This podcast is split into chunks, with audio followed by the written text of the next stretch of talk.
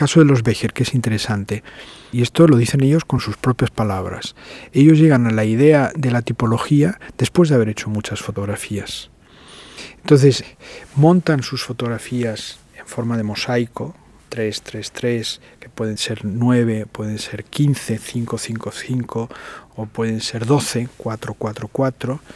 Montan esos mosaicos a posteriori de la toma. Es decir, que ha habido un primer momento en el que han hecho las fotos, han caído en la cuenta, después de tener bastantes, de que están de alguna forma encontrándose con determinados temas que se repiten, el depósito elevado de agua, la torreta de extracción minera, las chimeneas de ventilación y las estructuras de, de, las fábricas de cal, ¿no? que son cuatro, no más. Y luego las estructuras ferroviarias también, los depósitos ferroviarios, en fin, y luego las casas, en fin. Pero cuando ya lo tienen todo, empiezan a tener como muchos ejemplos, empiezan entonces de pronto a caer en la cuenta y, y empiezan a, a, a, combinar es decir, la idea de seriación de los Becher, que se asocia muchas veces a la idea de serie de Sander, no es comparable. Vale, sí, los dos son alemanes. Sander también trabaja con una especie de programa que son sus carpetas y es, un sistema de clasificación que él elabora a priori y que es el que le sirve para construir su discurso, porque es como, digamos, como el archivero que tiene un cajón para cada letra y luego a medida que van entrando los libros los va metiendo las fichas correspondientes. Sander trabaja así, tiene los cajones y luego hace las fotos. Los Becher no trabajan así y son series en ambos casos.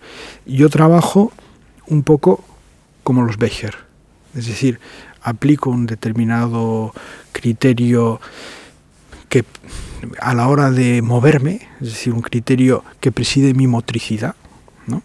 me muevo de una determinada manera, con el paso de los años esa motricidad va siendo cada vez más consciente, cada vez más económica, en el sentido de que la planifico, miro el plano, en ese, sentido también es adecuado decir planificar, ¿no?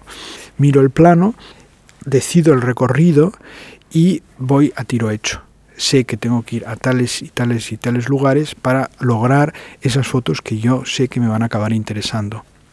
Y en ese sentido, sí, hay una acotación espacial y temporal. Y en ese sentido lo que sale es una serie, pero solamente en ese sentido. Es decir, es un trabajo que ha tenido un inicio y un final. Se ha desarrollado a lo largo del tiempo y en un determinado espacio.